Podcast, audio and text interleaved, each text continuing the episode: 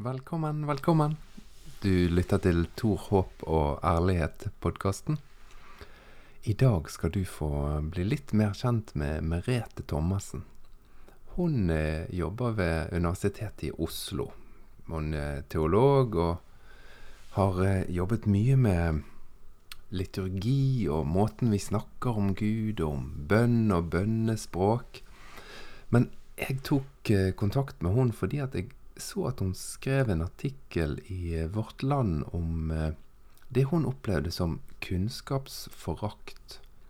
Og så denne her motstanden, eller eh, si, uenigheten mellom tro og det å kunne ting, og det å lære, og det å studere og forske på Bibel og tro. Og jeg må nok innrømme at jeg tenkte at jeg kanskje kom til å møte en som var litt streng. For artikkelen hennes var ganske klar og tydelig. Men som du merker ganske fort i praten, dette er en dame med mye humør og glede. Jeg tror du kommer til å trives med denne samtalen også. Vær så god. Det er på Tor håp og ærlighet at du møter Merete Thomassen.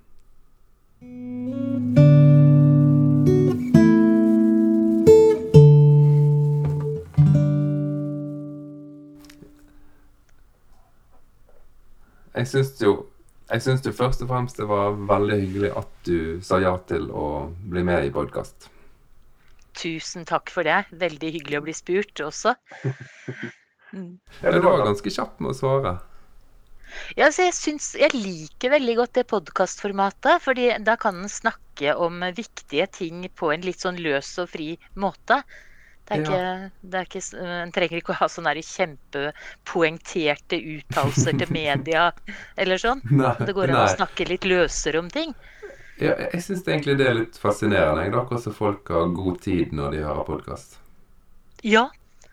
Og jeg hører òg at Jeg hørte også fra en i NRK at dette med podkaster de har økt enormt under pandemien. Eh, altså ja. lytting. Folk er mm. utsulta på, på, å høre samtaler med litt eh, langsommere tempo og litt viktige temaer. Ja.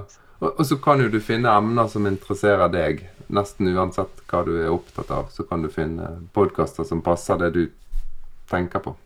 Ja, jeg er, ikke, jeg er ikke noe flink til å finne podkaster sjøl. Um, for å si det som det er, så hører jeg mest på de jeg sjøl har vært med i.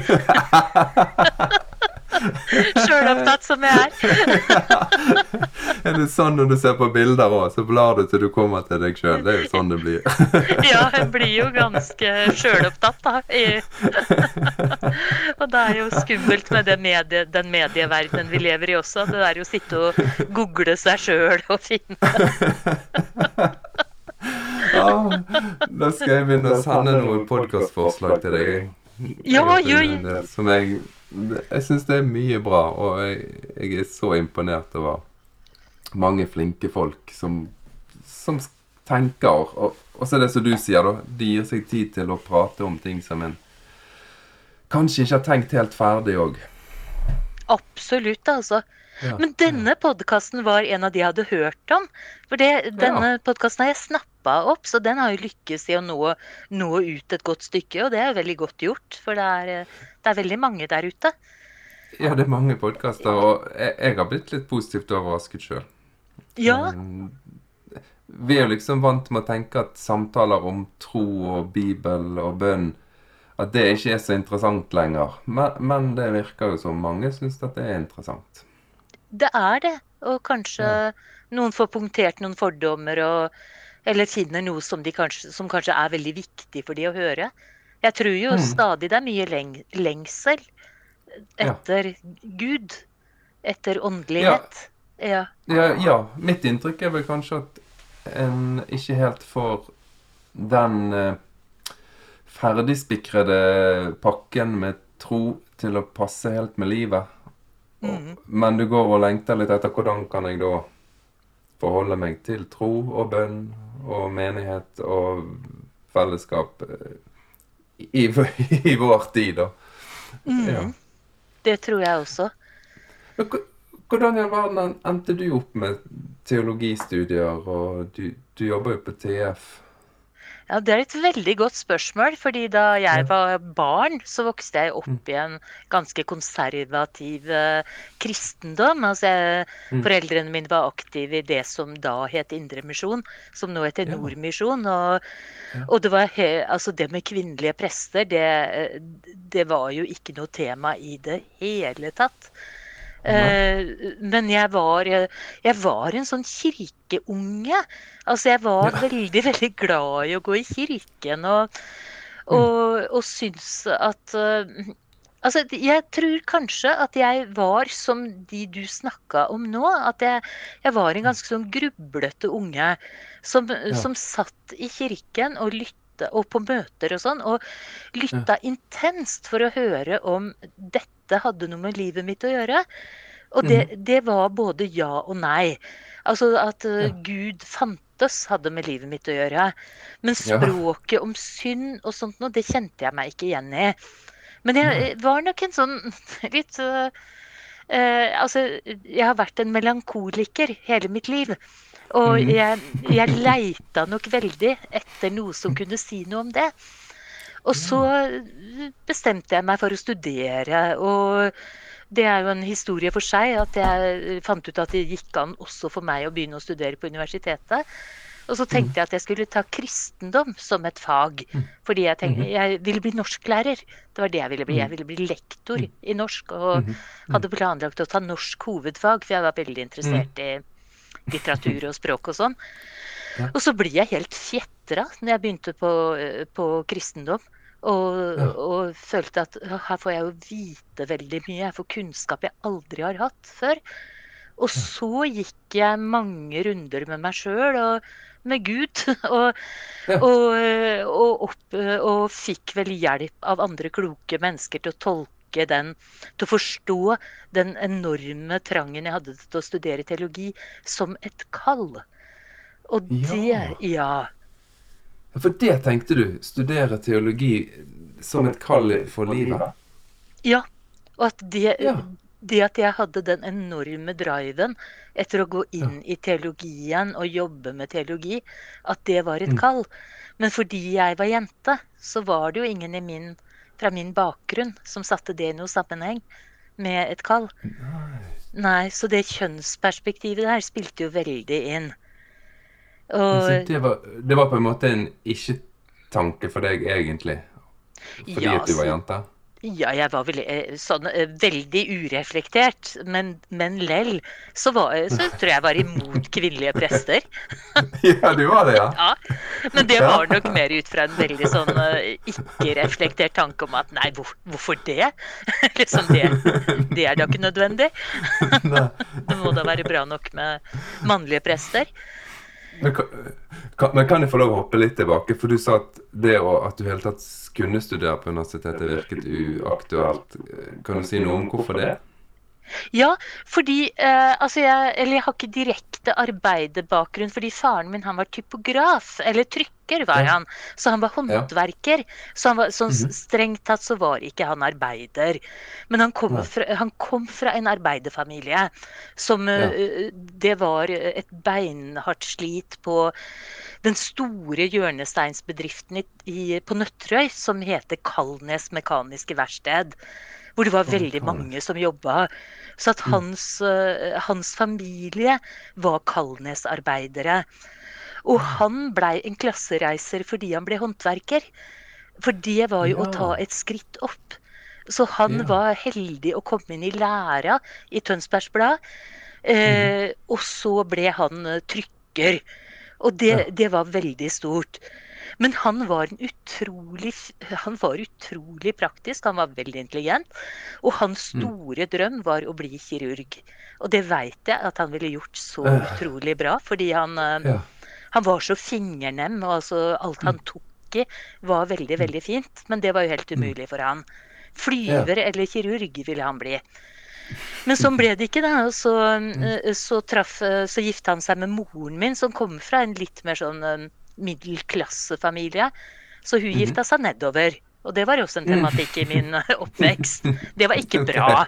Fordi han var, han var kommunist i sin ungdom. Og, og sånn, så det var, det var litt skandaløst, det. At hun gifta seg med han. Men hun var også veldig sånn kunnskapshungrig. Men så fikk de uh, Altså, de, de, fikk åtte barn, mine foreldre. Ja. Så vi var jo en veldig stor familie. Og vi Mamma var veldig, veldig opptatt vi jentene ikke bare måtte gifte oss og få barn. Fordi hun så jo mulig, eller Begge foreldrene mine så mulighetene som lå i studielånet. Så at uh, de fleste av mine søsken har tatt utdanning.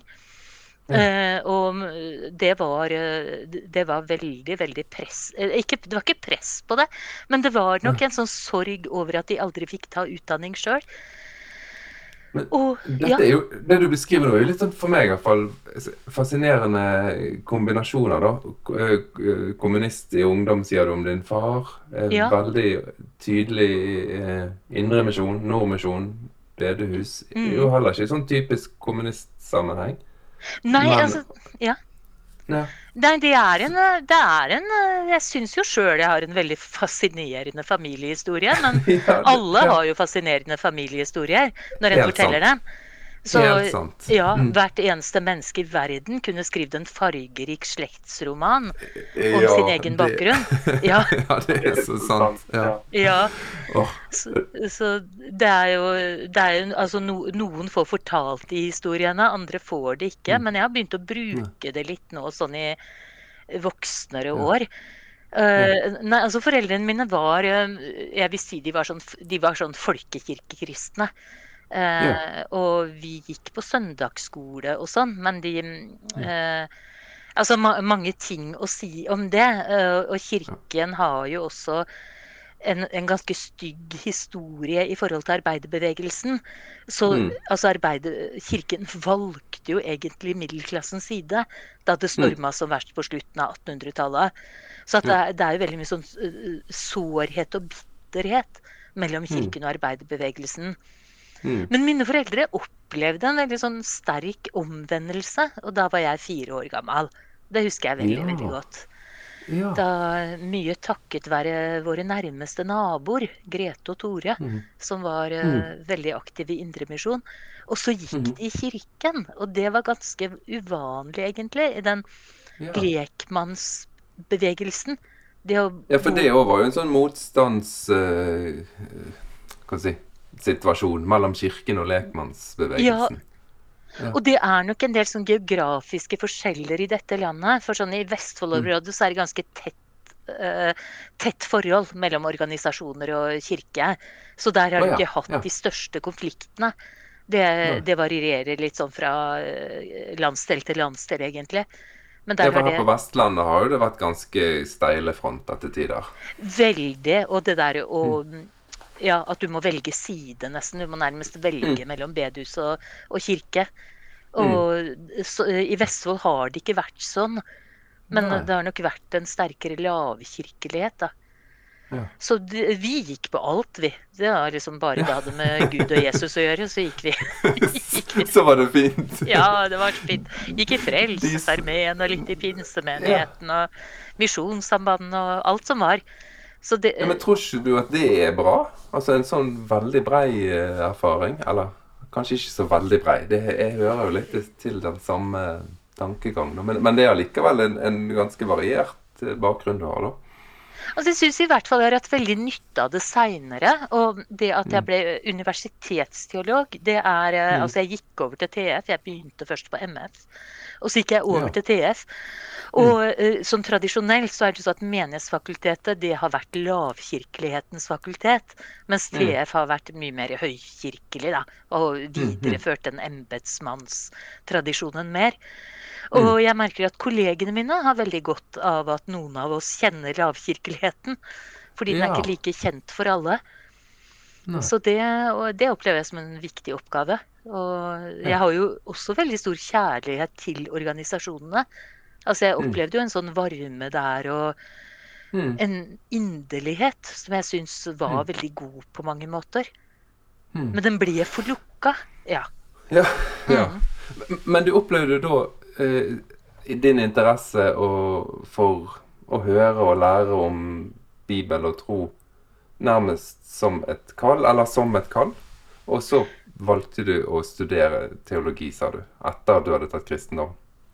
Ja, men jeg skjønte ikke da jeg var yngre at det var et kall. Fordi, eh, fordi jeg var jente. Så var det ing mm. Jeg tenkte aldri i de baner, og det var ingen andre som tenkte i de baner. Så mm. jeg hadde jo en bror som begynte på teologi. Han fullførte ikke. Og det ble ja. veldig sånn hausa opp, fordi han var jo gutt. Så det var ja. jo veldig, veldig stas. Men uh, mm. det at jeg som jente og ung kvinne skulle begynne på teologi, det var ikke noe Det, var ikke noe, det, ramla ikke noen inn at det var en Nei. vei for meg. Men du bare gjorde det? Jeg bare gjorde det, ja. Ja. ja etter uh, sterke kamper med meg sjøl, så gjorde jeg det. Og fikk ja. veldig ro for at det var, eh, det var, dette som var den veien jeg skulle gå. Ja, Men, men da begynte du på, på, MF, som du sa? Ja, jeg begynte på MF. Ja. Og så gikk Hvor jeg Hvor lenge gikk du der? Du har faktisk halve studiet fra MF, jeg. Det tok uh, ja. Men så opplevde jeg vel at akkurat det med kirketenkninga ble for trangt mm. for meg. Og ja. mye av det dreide seg om at jeg oppdaga folkekirken. Og da er vi jo tilbake ja. til der hvor vi, eh, hvor vi eh, snakka lite grann før vi mm. begynte opptaket.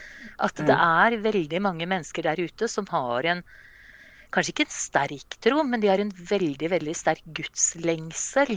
Og føler seg mm. aldri gode nok. Og, og det, var, det er det TF er veldig gode til, det er å, mm. Å være oppmerksomme på folkekirken. Og se ja. at når vi døper barn og begraver mm. og vier og konfirmerer, mm. så mm. er det Det er ikke tomme riter. Det er, altså, det er veldig lett å snakke litt sånn nedlatende om det. At ja, dette mm. gjør jo folk bare av gammel vane eller fordi det er tradisjon. Men mm. det er å se at det, det ligger en gudslengsel i dette, og det ligger et valg. Det mm. var noe jeg fikk et språk for og en teologi for, som jeg er veldig takknemlig for. altså. Der fikk jeg hjelp til å formulere det. Ja. ja. For du har jo jobbet, hvis jeg har forstått rett, så har du jobbet ganske mye med, med liturgi? Ja, det har jeg. Og det Altså, jeg tror jeg, Som jeg sa da jeg var liten, så satt jeg i kirken og lytta intenst for å høre om noe, noe av det som ble sagt, sa noe som handla om meg og mitt eget liv. Og det syns jeg jo kanskje litt, men veldig ofte ikke. Og det å mm. finne dette språket som kan mm. fortolke livserfaringer, og mm. som også kan sette oss inn i de lange og store linjene. Det. Den balansen der er forferdelig vanskelig og forferdelig viktig. Mm. For, for, jeg har jo også drevet og sett på hva skjer hvis vi bare skal skrive liturgiske bønner som skal være et sånt up to date-språk. Det ja. blir ofte ganske flatt. Altså, ja. Det kan bli litt sånn coaching-språk og, og, litt sånn selvhjelpsspråk og sånn. Men det der å liksom forankre det i det at vi, vi, har tekster eller bønner i gudstjenesten som er mange tusen år gamle, og vi har noe ja. som ble formulert samme morgen. Fordi presten da ja. forsøker å ta inn en krise eller en spesiell situasjon i verden. Så ja. det er et veldig stort spenn. Og det der å balansere mellom slitestyrke og aktualitet, det er det mm. jeg jobber mer og mer med. Mm. Mm. For det er en balanse som jeg ikke helt klarer å skjønne for min egen del. Jeg går i, i kirken, jeg òg nå. Men jeg, har jo en helt annen en helt annen bakgrunn enn det. Um, men jeg syns av og til er litt vanskelig å henge med på alt av liturgi. Ikke at det er så det er ikke så fryktelig mye, men det er ikke alltid jeg helt skjønner hva vi holder på med. Um, skjønner du hva jeg sier? Ja, og så blir jeg veldig nysgjerrig da på hva konkret er det du, du syns er vanskelig å henge med på? Dette høres kanskje litt sånn barnslig og dumt ut, da. Eh, jeg syns jo kanskje det aller vanskeligste er musikken. Ja. Musikk, type musikk og, og salmer syns jeg ofte er kjempevanskelig. en nynorsk salme med kirkeorgel. Jeg henger ikke helt med på hva ordene betyr engang. Selv om jeg er fra Vestlandet og burde kunne en del nynorsk. Mm. Så er det veldig vanskelig tilgjengelig for meg. Um, det som jeg legger merke til at jeg trives aller best med, det er egentlig talen til presten. Da syns jeg de ofte sier utrolig mye bra som jeg kan gå med resten av uken og, og gå og tenke på.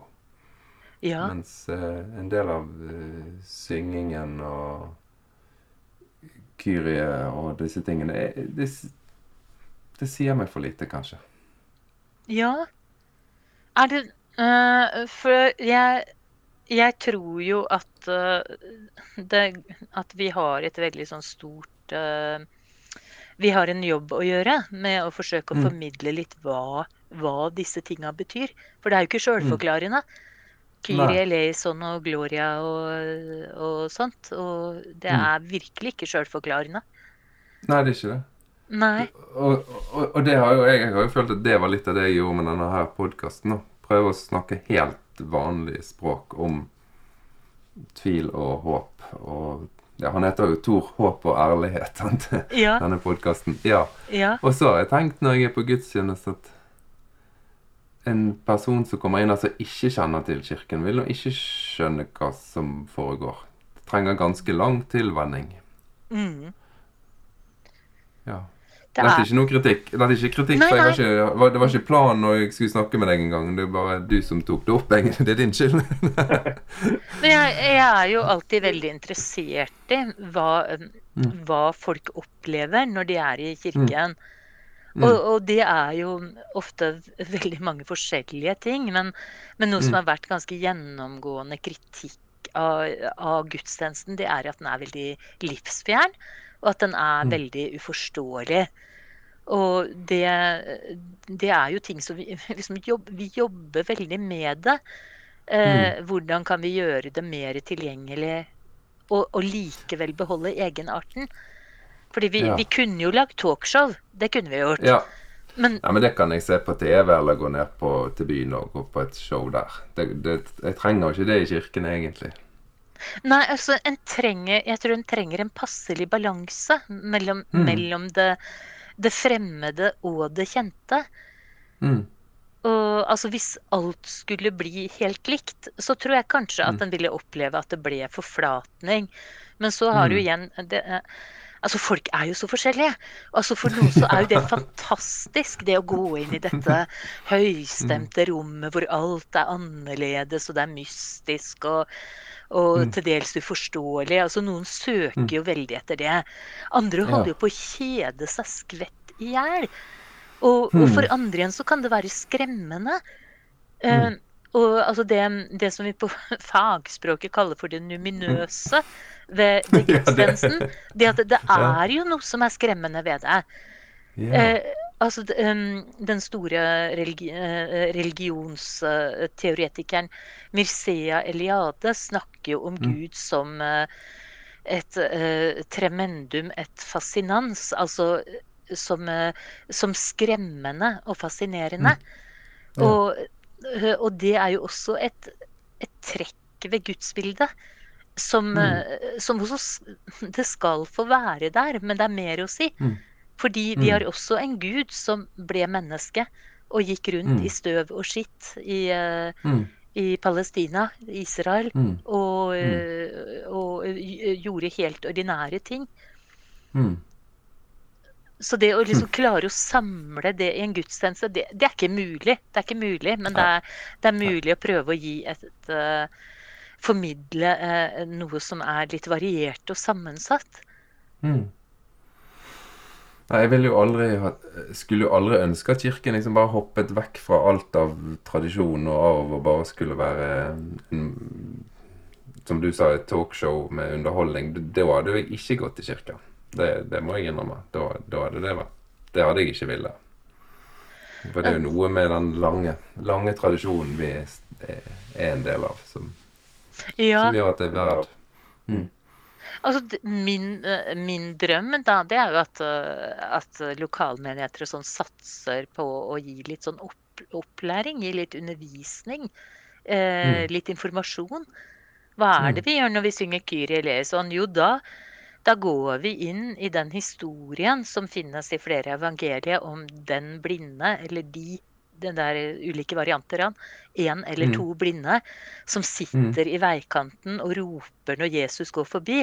Og det de roper da, er jo 'Herre, forbarm deg over meg eller oss'. Og det på gresk så er det 'Kyrie eleison'. Så at det uh, Altså hvis en kjenner den den bakgrunnen, så kan det bli uhyre meningsfullt å, å sitte der og rope til Gud. Fordi det er jo alltid grunner til å rope til Gud. Ja. Altså hvor, hvor vi bare Altså nå med, med både pandemi og med en klimarapport som, som er helt apokalyptisk, så, så, gir jo det uhyre Egentlig så gir det uhyre dyp mening å bare rope Ja. det ut. Forbarm deg over Mm. oss. Mm. Men det er klart, med orgel og, og, og, og altså vanskelige melodier, så kan Mm. det for en del oppleves som veldig Hva, hva gjør vi nå? Altså, hva, hva i all verden Mm, er dette? Men det er jo Mm. egentlig et sånn primalskrik. Altså, Ja. ja, vi skriker til Gud. Kom og hjelp. ja. Mm. Og vi kjenner jo at vi trenger hjelp. Det gjør vi jo. Mm. Og det vekker jo gjenklang. Altså, hos Mm. de aller fleste så vil jo det vekke gjenklang. At ja, jeg trenger Mm. hjelp. Livet og tilværelsen vokser og støtt og stadig over huet. Ja. Så vi, vi trenger Ja. Det kan jo hende at Kirken hadde ha- tjent på akkurat det du sa der, da. Og klare å fortelle mer hva vi gjør. ja. Og det Mm. må jeg si, jeg, jeg leiter etter de der gode formidlingsarenaene. Åssen Mm. kan prestene og organistene, som jo også har en enormt stor kunnskap om gudstjenesten, åssen kan de Mm. si de, disse tinga på en måte som gjør at de når ut bredt, og at det gir mening? Mm. For det er ja. liksom, Hvis du går inn i gudstjenestens enkelte, enkelte del, så er det veldig, Mm. veldig, veldig sånn meningstungt, veldig fortetta. Og Ja. kanskje det trenger å løses opp litt mer.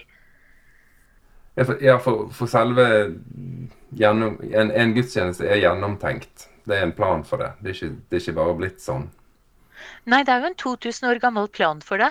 Og den, mm. den tar jo med seg veldig mange elementer fra, fra Altså vi har mye av, av synagogens gudstjeneste i vår egen gudstjeneste. Og vi har, vi har en del fra den romerske keiserkulten. Det er det veldig mange som ikke veit. Og det er et, tre, altså et trekk ved gudstjenesten og språket vi bruker om Gud, det er jo at det har aldri vært statisk. Det har aldri vært i forandring. forandring. Og eh, det har også vært en tendens til at kristne har tatt til seg det fineste de, de veit om. Sånn I antikken så tar de jo inn ganske mye fra det, det romerske seremonielle. Så at når vi Ja. synger 'det er verdig og rett' i, eh, Ja. i nattverdliturgien, så er det egentlig et rop fra den romerske rettssalen. Er det sant? Yes, det er det. Du hva? just, justus est. Nå har jeg en utfordring til deg som jeg tar på direkten her. Ja. Eh, Så, så, så ikke du skal gjøre, gjennomføre nå, da. Men Mm. da vil jeg gjerne ha en ny episode med deg. Eh, der vi bare går igjennom de ulike elementene i en vanlig gudstjenesteliturgi. Og hvorfor de er det. Med glede. Dette underviser jeg i hvert eneste semester.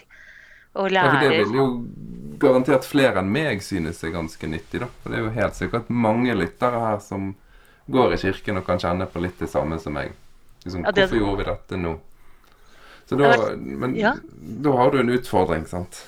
Ja, men du, det, er, det hadde vært fantastisk moro, og jeg underviser så mye i akkurat dette at det Mm. Ja. kunne jeg Jeg kunne rista det ut av ermet her og nå, men det vil ta litt for lang tid.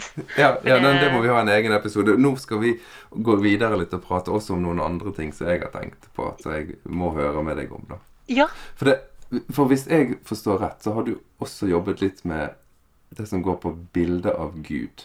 ja, Eh, det stemmer, sant? ja, det stemmer. Doktoravhandlingen min handla Ja. om eh, det. Ja. Ja. Eh, og, og da er det gått på Gud som Altså, hvem er Gud?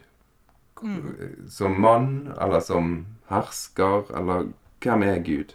Mm. Og, og, og da i den forbindelse ble det vel en ganske sånn stor debatt om Kan vi si at Gud er far? Kan vi si at Gud er mann? Eh, kan du si litt om den samtalen, og, og hva du tenker? Ja, jeg kan først si at det det, det vi, eh, vi, nå skal snakke om, da, det er et fagfelt som kalles for kjønnsinkluderende språk. Eller kjønnsinkluderende liturgisk språk. Og mm. det har ikke noe kristent utspring, egentlig, men det, det går tilbake til den, den, store feministiske språkdebatten på 1970-tallet. Altså ja. i, i, feminismens andre fase snakker vi om. Så, mm. så, blir de, så blir de veldig opptatt av språket. Fordi mm. det, som, eh, det som ligger i det, det er at kvinner skal formulere sine egne erfaringer. Og finne mm. et språk for sine egne erfaringer. Ut fra mm. slagordet 'det personlige er politisk'. Og dette, dette, er veldig amerikansk i utgangspunktet. sånn at uh, for de som har sett filmen eller lest boka 'Women's Room', som på norsk heter mm. 'Kvinner', um, mm. Marilyn French, så samles jo disse kvinnene da i sånne bevissthetsskapende grupper. Altså dette er veldig mye mm. husmødre som sitter hjemme og og sliter med det ene og det andre, og så begynner de å snakke sammen for å finne det strukturelle i språket. Mm. Og så blir man jo da eh, veldig opptatt av at kvinner er Enten så er kvinner borte i språket. Altså, og det mm. har vi også hatt veldig mye på norsk òg. At du snakker om formann, stortingsmann, fylkesmann. Mm. Mm. Eh, men også i det mer sånn alminnelige, hverdagslige språket så er kvinner veldig usynliggjort. Mm. Og så parallelt med dette så vokser feministteologien fram, som er opptatt av veldig mange av de samme spørsmåla. Og mm. i, i, det teologiske språket så er det en ekstrem ubalanse. Altså, her er Altså, Gud omtales utelukkende som en mann, men også menigheten blir i veldig stor grad altså titulert som brødre, f.eks. Kjære ja, brødre. Ja, ja. Mm. Så at uh, det kjønnsinkluderende liturgiske språket det dreier seg både om språket om Gud og språket om mennesker. Mm. Men så dreier det seg jo også om balansen. Altså hvordan mm. kvinner blir framstilt, når de blir framstilt. Mm. Og, og, altså hvis du snakker om, uh, om uh, 15 kvinner som alle er prostituerte, f.eks., så er ikke ja. det med på å skape en balanse i språket. Det er med på å befeste fordommer og befeste en sånn negativ framstilling av kvinner. Så at det mm. kjønnsinkluderende språket er, er, har vært veldig opptatt av å få fram sterke kvinner. Mm. Litt mer avmektige menn. Og, mm. og, og, det har det nok vært ganske stor aksept for. At vi kan ikke fortsette å snakke snakke om menigheten som brødre, og vi kan ikke bare snakke om kvinner som uh, skjøger og, skjøger og synderinner. Nei, og i hvert fall ikke når 85% av de som er på gudstjenesten, er kvinner. Det er jo nettopp det som er så interessant. Men det som virkelig skapte spetakkel, det, det var når eller, Og eh, fremdeles blir spetakkel av, det er når en mm. forsøker å pirke bort i forestillinga om at Gud er mann.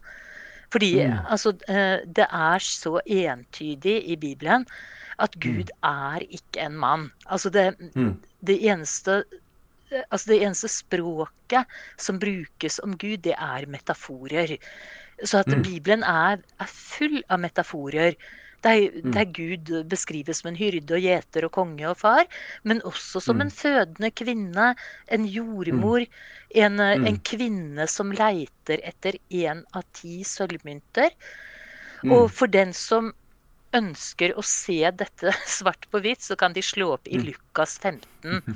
Der står det tre lignelser på rad.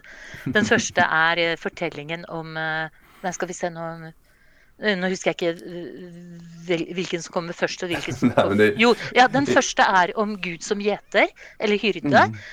Og så den tredje, det er om sønnen som kom hjem, eller altså den bortkomne mm. sønn, som mange er vant mm. til å, uh, å snakke og tenke på det sånn. Og så begge de to lignelsene de har vært brukt i til alle tider som veldig viktige metaforer for Gud. Gud som hyrde og gjeter, eller Jesus som hyrde og gjeter, mm. og Gud som mm. den store faren. Men midt mm. mellom de to så står det en lignelse Hvor der himmelriket er å ligne med en kvinne som eier ti sølvmynter og mister en av dem. Og feier gjennom hele huset for å finne den. Og når hun har funnet den, så kaller hun sammen venninner og nabokoner og sier 'gled dere med meg'.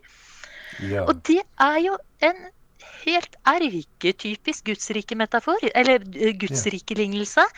Men når noen har begynt å spørre men er ikke dette en metafor for Gud, så kommer det sånn Nei, men det er ikke sånn ment. Nei, nei, vi kan, ikke vi sånn kan, vi kan ikke tolke det som en metafor for Gud. Nei, nei, Nei. hyrden og faren er helt utvilsomt metaforer for Gud. Men denne med kvinnen som leiter etter sølvmynten, nei, nei, det er ikke sånn ment. Og så bare liksom forsvinner det inn i glemselens hav og tolkes på andre måter og Det er jo veldig synd, for det er jo en helt nydelig lignelse, da. Der, der Gud bare feier huset og leiter for å finne, og så blir hun så glad at det blir fest. Det er jo en helt fantastisk fortelling. det blir jentefest. Når, Ja, det blir Ja. skikkelig jentefest. Ja, skikkelig Ja. jentefest. Og den er, den er jo så frodig og flott. Men, Ja. eh, men altså, den, den opp, har aldri oppnådd samme status som en sånn gudsrike-lignelse. Fordi Nei. det er en kvinne som er hovedaktør Ja. her. Ja. Så det å, eh, det å leite fram disse kvinnelige metaforene som finnes i Bibelen, det har jo vært en del av prosjektet til det kjønnsinkluderende språket. Men Mm. det har blitt forferdelig mye bråk og spetakkel rundt det. ja. Ja. Så det, den debatten eh, rundt hva, hva som skjedde første gang Den norske kirke kom med en liturgi, det var i 8. 8. mars 1993.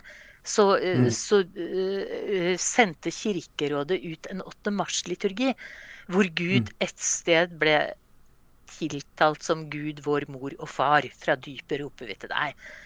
Altså, det ble så mye bråk at eh, fire biskoper eh, krevde De trakk liturgien tilbake og forbød at den skulle bli brukt. Og, og det var en debatt som pågikk i eh, flere år, og som egentlig Hver gang noen forsøker å gjøre det, så kommer de samme argumentene opp igjen. Altså at Hva ja. gjør, men hva gjør dette med deg og troen? Blir, eh, altså det, det at det, blir sånne her debatter om språk og ord, og der en blir så sint at en må trekke tilbake og eh, Gir ikke det noe påvirkning på deg, eller er, du virker så trygg og fortsetter å, prate og skrive og studere og be og Altså, noe av det deilige ved å begynne å bli gammel, jeg er jo 55 år nå, det er at jeg er ikke så redd mer. Men eh. Jeg var jo sjøl med på, dette, på det arbeidet som student. Jeg var jo livredd. Altså Ja, livredd var for, ja, for å ikke få jobb, og for å bli svartelista, og bli oppfatta som en sånn militant feministteolog og sånn. Så eh, al- altså for, for en del kvinner så har dette fått eh, Kvinnelige teologer så har dette fått karrieremessige omkostninger, uten tvil, altså. Ja, det, ja. Ja, og særlig generasjonen før meg. eh, De som begynte å jobbe med feministteologi på 70- og 80-tallet. Altså Mm. de, de har nok betalt ganske høye personlige omkostninger for det. Mm. I, I min tid så, så var det noe lettere. Så det kan jeg Mm. Jeg kan ikke si at jeg har gjort det. Men, men det er liksom noe som kleb, kleber ved når du jobber med feministteologi. At man blir Mm. litt sånn mis, mistenkelig gjort. Ja, hva ja, er det egentlig? akkurat, Ja. ja, for akkurat som du har et annet motiv med det du holder på med. Det ikke, Ja, det ikke ja. ja, altså skal du drive er du, eh, er du prest for å forkynne eller for å drive kjønnspolitikk? Sånne spørsmål har jo jeg og mange med meg fått. Ja. Og altså, det, det blir jo en helt sånn kunstig, kunstig motsetning, fordi den kristne troa handler jo om rettferdighet, blant annet. Eh, altså rettferdighet eh, dette, dette er jo også veldig bibelsk. At Mm, mm. Jesus kommer for å skape rettferdighet mellom Mm. fattige og rike og kvinner og menn. Og man, man kan ikke skille det ene fra det andre. Nei. Nei.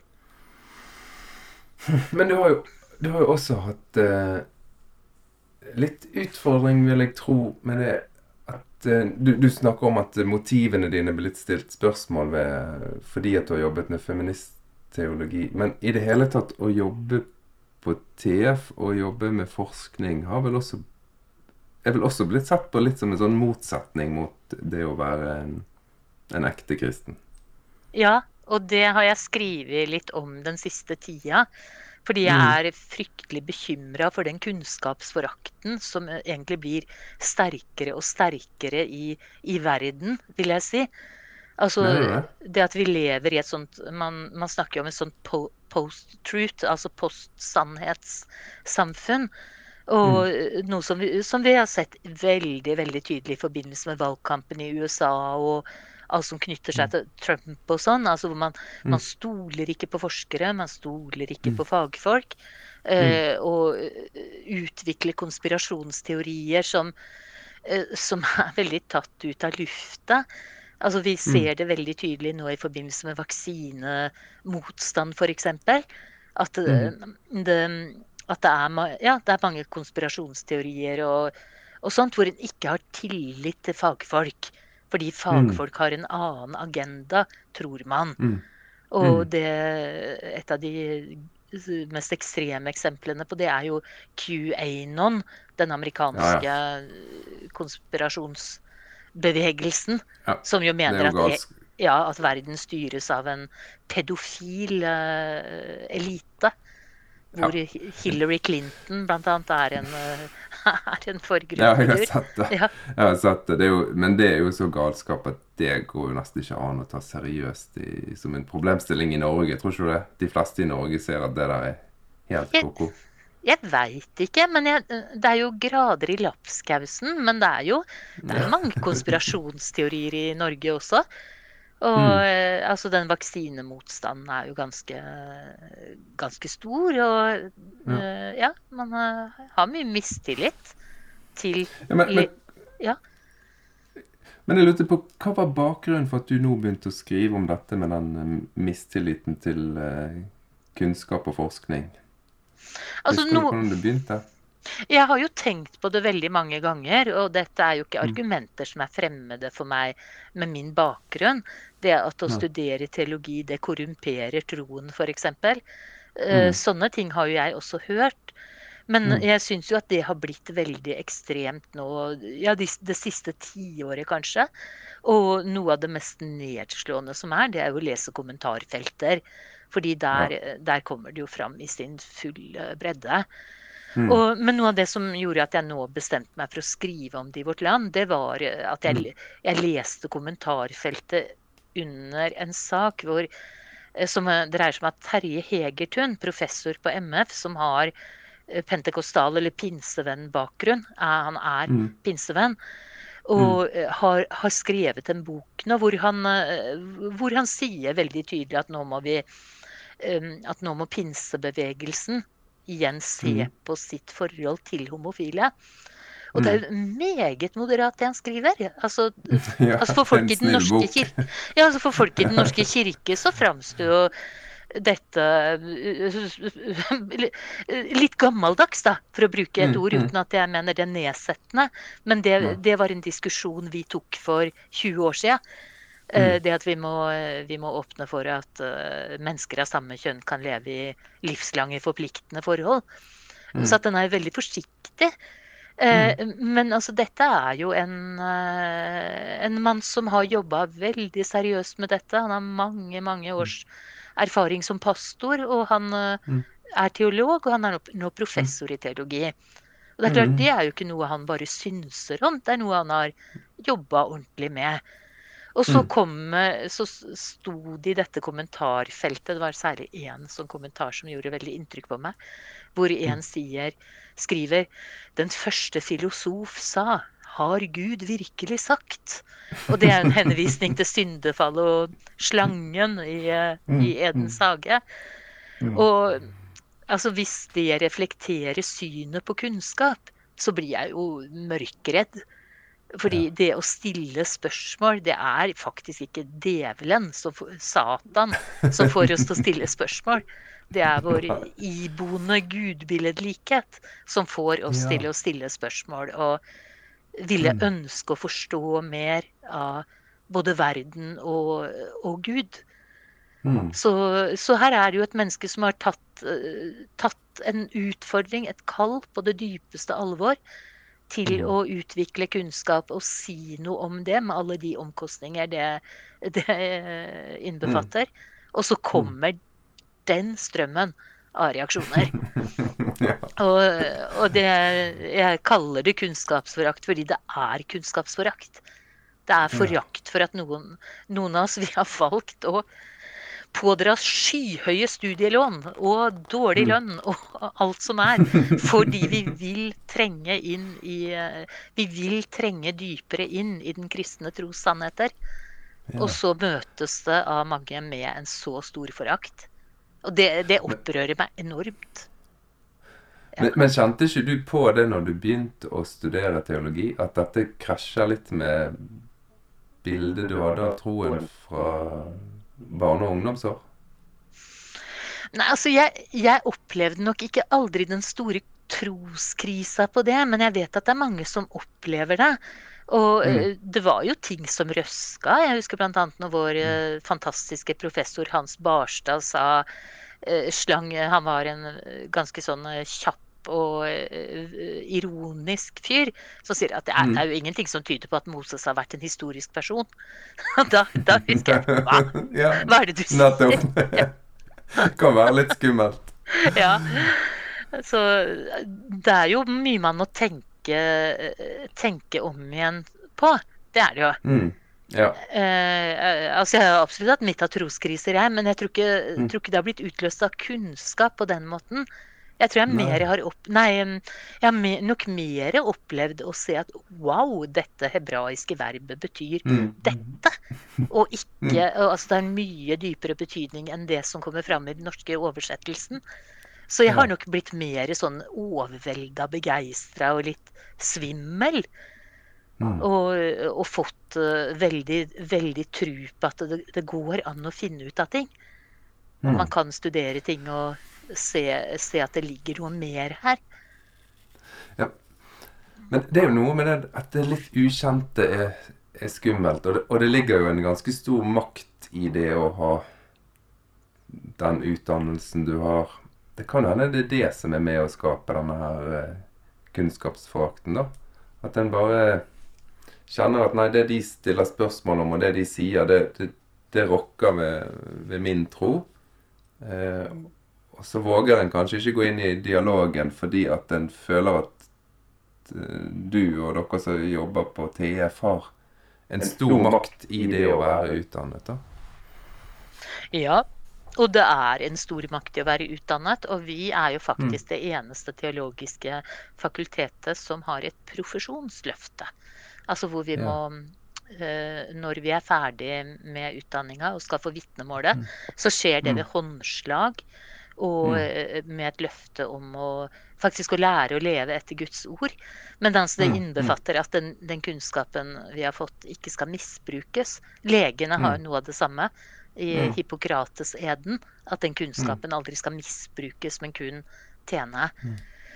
Men nå er det jo så at utdanningsnivået i vårt land er jo etter hvert skyhøyt. Så at, mm. Eh, det er jo fryktelig mange mennesker som har en mastergrad og utdanning på samme nivå som en prest. Så ja.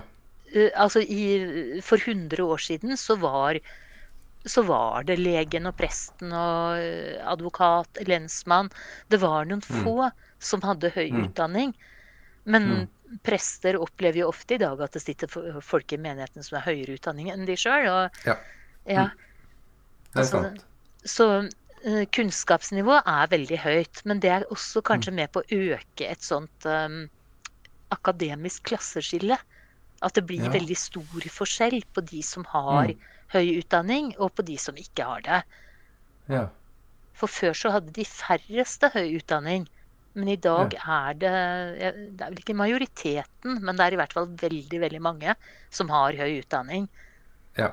Det er, det, det, er en stort et, ja, Jeg skal ikke si flertall, jeg heller. Det tør jeg ikke si. Men flertallet av unge har jo det. Ja, mm. de har det, altså. Og mm. det Altså, hvordan var det på Eh, altså, det er vel 2000 doktorgrader i året i Norge. Ja. Altså, mens på 50-tallet så var det 4000 lektorer Mm. i Norge.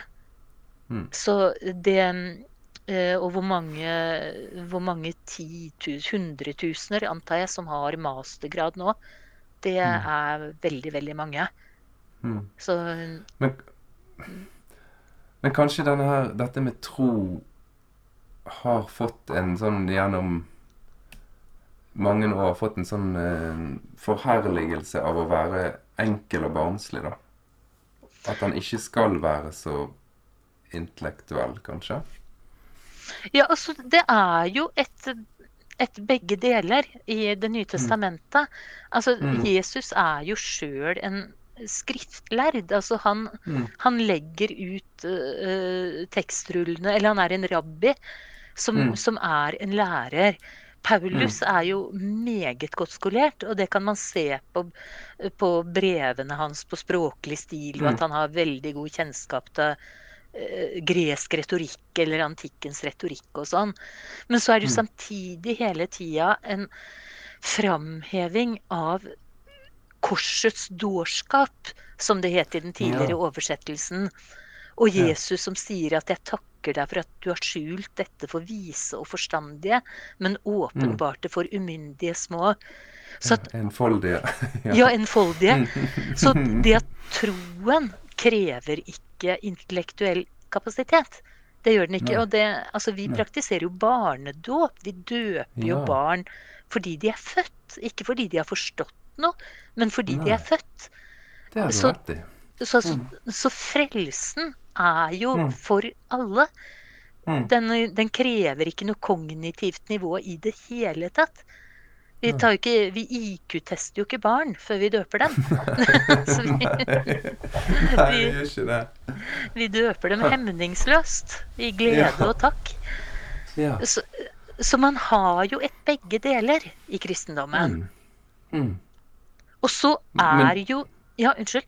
Nå blir jeg veldig Nei. ivrig her. Fordi ja, men dette syns jeg jo er gøy.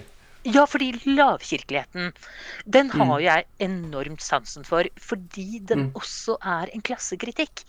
Og altså, Ja. når lekmannsbevegelsen oppstår, så er Mm. jo det som en reaksjon på et presteskap som Mm. tilhører embetsklassen, og som forskanser seg i Mm. sine embetsboliger, og eh, ofte ikke behandler småfolk på en ordentlig måte. Mm. Der er nok, uh, har nok vært veldig store forskjeller der. For jeg tror Ja. jo det har vært mange bra prester som også har, uh, har stått opp for småfolk. Men, Mm. men presteskapet har tilhørt embetsklassen. Og så har Vi feirer jo 200-årsjubileum for Hans Nilsen Hauge i år. Og Mm. han, han kastes jo i fengsel gang etter gang fordi Mhm. han forkynner. Uh, Mm. Noe som er et brudd på denne berømmelige konventikkelplakaten. da. Ja. Eh, Så dette forbudet mot at andre enn prester skulle forkynne, det var jo helt Mm. forferdelig. Mm. Og, og, og altså lekmannsbevegelsen Jeg sa jo i stad at kirken valgte jo middelklassens eller borgerskapets side, mens Mm. lekmannsbevegelsen hadde jo en enorm appell til arbeiderbevegelsen, fordi der Mm. fikk de komme sånn som de var. Mm. Og lekmannsbevegelsen var jo veldig tydelig og på mange måter veldig tøff i, i dette med hva de sa om uh, alkohol, for eksempel. Fordi det var Mm. jo mange som drakk Når de fikk den lille lønna si, så drakk de det opp. Og så kom Mm. de tomhendt hjem til en kone Mm. som uh, hadde mange små barn og, og, og, Mm. som skulle mettes, og så var det ikke Mm. penger igjen. Så, sånn som Lestadius og andre som har vært veldig viktige for lekmannsbevegelsen, de har jo tatt Mm. den sosiale konteksten på det dypeste alvor. Mm. eh, Men ikke på en nedlatende måte, som nok presteskapet Mm. ofte kunne gjøre. Ja. Så klassekritikken i lekmannsbevegelsen er jo noe som ligger mitt hjerte veldig nær. Som datter av en gammel kommunist, så må jeg si at jeg har, har veldig forståelse og sans for det. ja. Mm. Men jeg håper vi kan klare oss å gjøre det som dere forsker på på MF og TE, for det dere jobber med, at det kan gjøres litt mer tilgjengelig. Det, det har jeg litt tro på, da. At det kan få ned noe av den frykten. Um, for nå har jeg hatt en del episoder både med folk fra TF og folk fra, fra MF. Mm. Og jeg ser at det, det, er, det, er, episoder som i hvert fall mine lyttere liker og er interessert i. Og, for det er jo sånn at flertallet i Norge kommer jo ikke til å studere på disse høyskolene.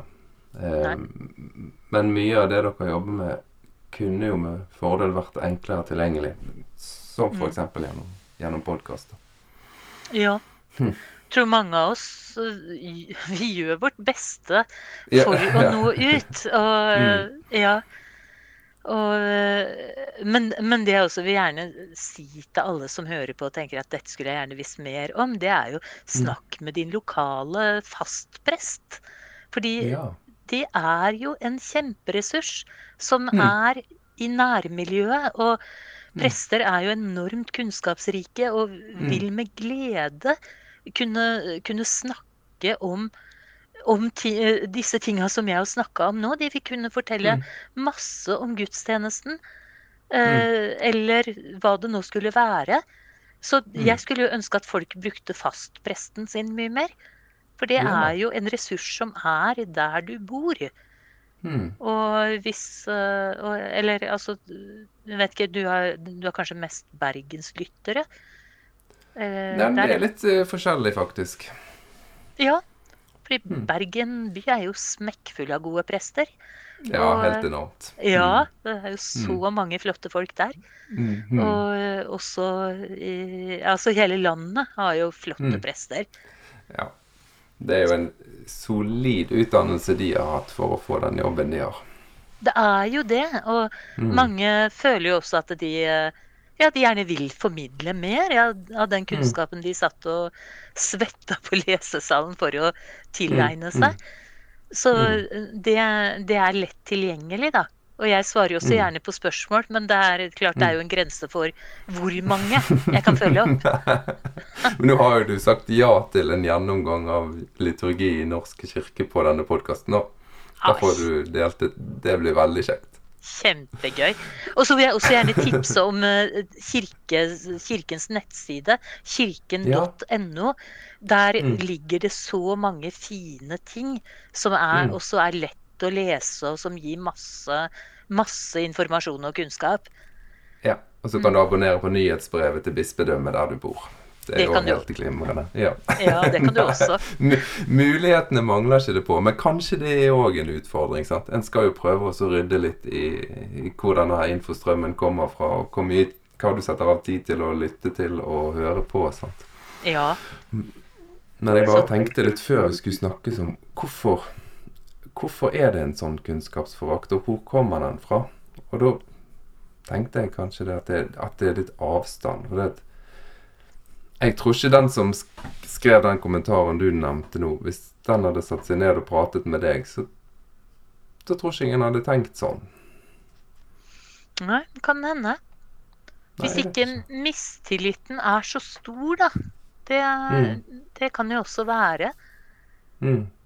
Altså at den eh, vi, Nei, vi, vi sektoris... Altså vi, de, vi, har veldig mange fiendebilder. Det har jo mennesker alltid hatt. Men mm. det derre at jeg fort kan parkere som Å ja, det er en sånn overutdanna globalist som, på venstresida. Det, mm. det kan jo også gjøre at en mister mye troverdighet i det. Mm. For, no, for noen. Mm. Mens det for andre igjen øker det. Mm. Mm. Du, helt til slutt i denne episoden her. Du skrev noe i avslutningen på ditt siste innlegg i Vårt Land. Noe sånt som å, Et sitat som handlet om å omfavne troen med intellektet. Stemmer ja. ikke det? Det var ja. vår kjære professor Turi Karlsen Seim som mm. Hun døde dessverre for uh, altfor tidlig. Mm. Men mm. hun sa det da vi studerte teologi, at å studere teologi er å elske Gud med intellektet. Elske Gud med intellektet? Elske Gud med intellektet. Og det husker jeg var veldig forløsende. Fordi det, mm. det, gjorde at jeg begynte å tenke på mine egne studier som en kjærlighetshandling. Ja. Uh, ja. Mm. Det var fint. Ja, veldig fint sagt. Ja. Kanskje vi lar det være avslutningen nå, da? Syns jeg er et veldig godt sted å avslutte. Og som du kanskje fikk med deg, så ble det avtalt en ny podkast der vi skal snakke om hvorfor vi gjør det vi gjør i kirken. Det gleder jeg meg faktisk veldig til, for eh, noen ganger må jeg innrømme at jeg lurer. Ha en riktig god uke. Så høres vi neste fredag klokken 07.00.